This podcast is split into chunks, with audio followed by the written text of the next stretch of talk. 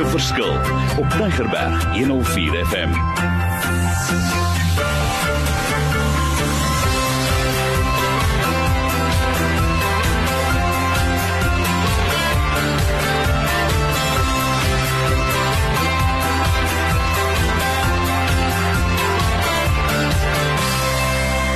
Wonderlik. My naam is Mario Denton. Dis 'n program met die naam van 'n gemaak 'n verskil in die lewer daar buite. Die wysheid wat werk. Ons is besig met 'n ek sê sommer 'n fantastiese reeks. Ek is super opgewonde. Die reeks gaan oor dealing with offenses. Met ander woorde, ek is te nagekom. Wat nou Mario? Waar kom dit vandaan en uh, wat was die oorsaak en hoe hanteer ek dit? Hoe vat ek dit en hoe face ek dit? En uh, ons is nou al by die derde sessie. As jy gemis het by die eerste en die tweede een, kry die inligting, kry die podcast, luister dit deur, doen die oefeninge, skakel my. Maar vandag gaan ons dit verder vat en as ek die gesprek 'n naam kan gee, gaan dit baie sterk oor my father, my father. Hoekom sê ek dit? Kom ons kyk 'n bietjie na die verhaal van Dawid. En ek vra vir jouself, jy weet, dat hulle sê in die woord Dawid was a man of God's own heart. Maar jy kan duidelik sien in sy lewe ook het dit gebeur en dat mense hom valslik beskuldig. En nou spesifiek wil ek gaan kyk uit 'n leierskapsoogpunt uit. Jy sit in 'n leierskapsoogpunt. Hoe effektief is jy as 'n leier? Veral as iemand nie hou van jou leierskapstyl nie of hy mentor nie iemand nie of jy's geïrriteerd. Daar is soveel offenses wat plaasvind. Ek weet dit die besigheidswêreld kom dreiselkundige is jy's gedurig besig met konflikhantering. Maar ek hou van die woord. Hy sê to be a man or a woman after God's own heart we must refuse to take revenge on those who mistreated us. Hoe gaan ek hanteer? Die ou het my te nagekom Mario. Kom aan man, wat sê jy? Wat sê die woord? Die ou is in 'n gesagsposisie. Moet ek hom net aanvaar? Moet ek hom ignoreer? Moet ek hom uitwerk? Moet ek net hardloop? Sê ek nee, nee, stop, stop, stop, stop. En dink 'n bietjie aan jou geestelike leier. Dink 'n bietjie aan jou leiers. Wie het vir jou beïnvloed? Wie van die leiers het jou geïrriteer? Dit gebeur. So stap nommer 11 is hierso know your leaders. Ken hulle. Ken jy sy hart? Weet jy wat hom wakker hou? Weet jy wat hom irriteer? Weet jy hoe hy werk? Het jy al vir hom 'n kompliment gegee? Hoe werk sy situasie? Hoe werk sy lewe? Weet jy wat hou wakker in die nag? Ons ken nie ons leiers nie. En dit is so maklik die persoon het gereageer en jy begin blaas en jy begin net irriterend raak. Maar die eerste stap nommer 11 is know your leaders. Stap nommer 12 is fear the Lord. Is dit nie belangrik nie? Hoor wat hy sê in in Spreuke 19:23. Fear of the Lord leads to life, bringing security and protection from harm. Saul en Dawid, ons ken die verhaal, ons weet wat het gebeur, maar wat gebeur? Nou kom hy word te nagekom. En jy kan duidelik sien, voor hy sommer net besluit, hoor jy, ek gaan hierdie man 'n bietjie aanvat, uitval. Hy sê nee, Kom ons raak rustig. Ek is nie in die posisie nie en dis hoekom ek sê wat demonstreer jy van jou leiers hoe hulle met jou reageer want ewe skielik het Dawid nou prominent meer belangriker en belangriker en belangriker geword en ou Saul het nie daarvan gehou nie en ons sien dit. En dan stap nommer 13 is cultivate godly character. Dit is so lekker en hoor ek hou daarvan as ek dit lees.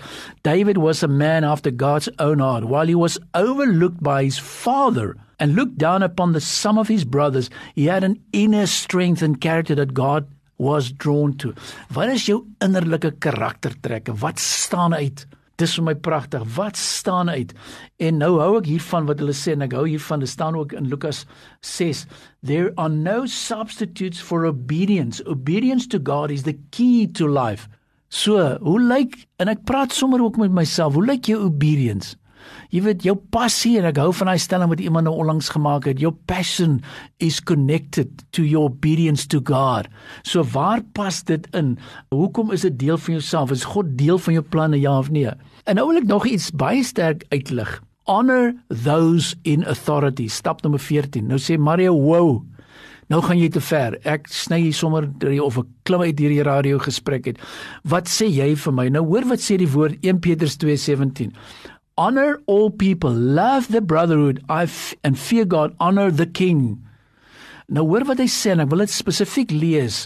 According to scripture, all authority is established by God. Sê Mario, dit kan nie wees nie. Dit kan nie wees nie, maar wag, laat ek eers skaal lees. For promotion and power come from nowhere on earth, but only from God. Yet while all authority is from God, not all authority is godly. Julle hoor wat ek sê.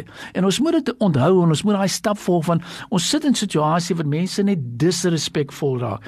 Disrespekvol praat lelik, maak neerlike aanmerkings. Ons sien dit vreeslik en dit neem toe. So hanteer jy jou leiers. Het jy nog respek? Eer jy jou vader en moeder? Hoe praat jy van hulle? Kyk, kyk maar 'n bietjie as jy in funksies en braaies is. Hoe praat ons van mense? En die ou het my te nagekom en dit is vir my so belangrik. En dan stap nommer 15, ek weet ek gaan lekker vinnig deur dit soos iemand vir my sê, "Marie, dis mos nou 'n crash course." Maar dis waar, want ek wil hê jy moet goed lees en leer en leer en leer. Stap nommer 15 is keep yourself in God's love. Is dit nie wonderlik nie? Another way to avoid being offended with those in authority is to live in the love of God. Pragtig. So kan ek hierdie dinge deursien? Kan ek dit daar deurvat? Sê ek yes yes yes. Want die groot ding is is as ek te nagekom het wil ek dinge uitsorteer op my manier en ek raak krities geweldig krities teenoor ons leiers. En jy raak later vol van ek wil eintlik sê hierdie gif in jou lewe. En hoe hanteer ons dit en wat is die beste manier?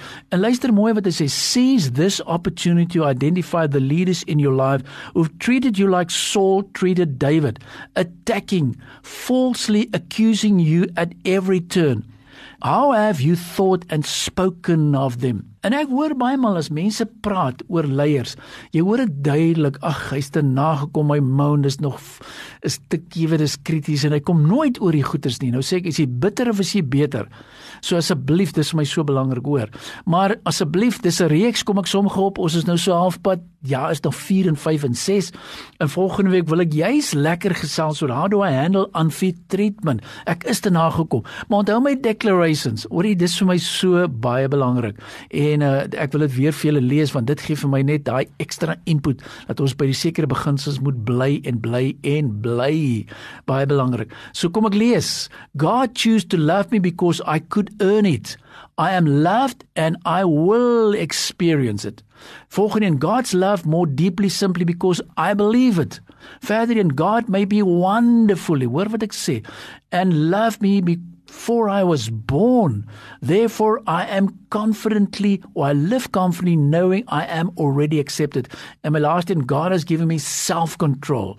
So I choose not to not entrust my emotional health to any person or to my circumstances but to put my trust in God alone. Ek geniet hierdie reeks. Dis 'n lekker reeks. Dit gaan oor dealing with offenses.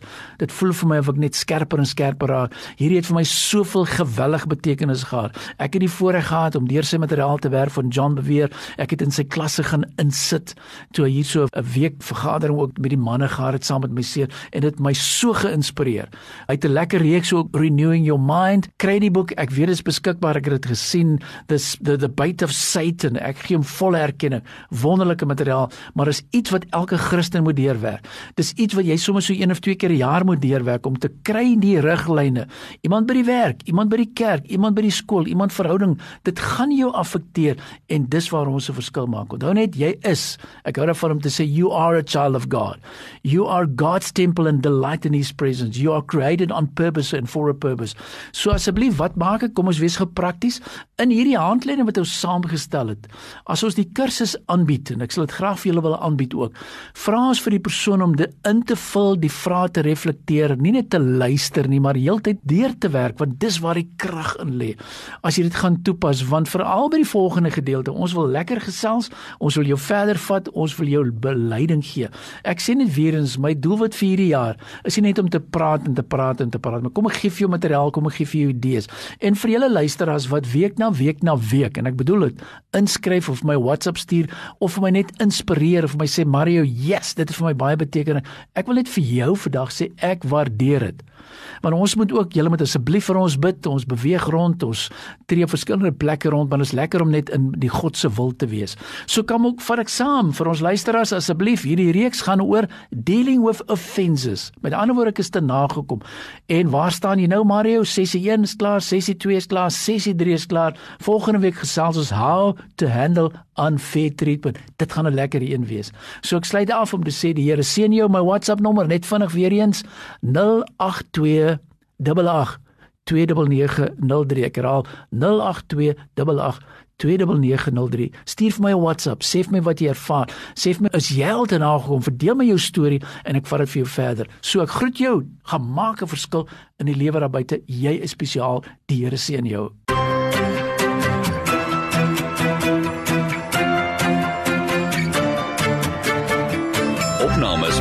elke verskil is te kry op Potgooi via Tigerberg 104 FM se app of te wel toepassing.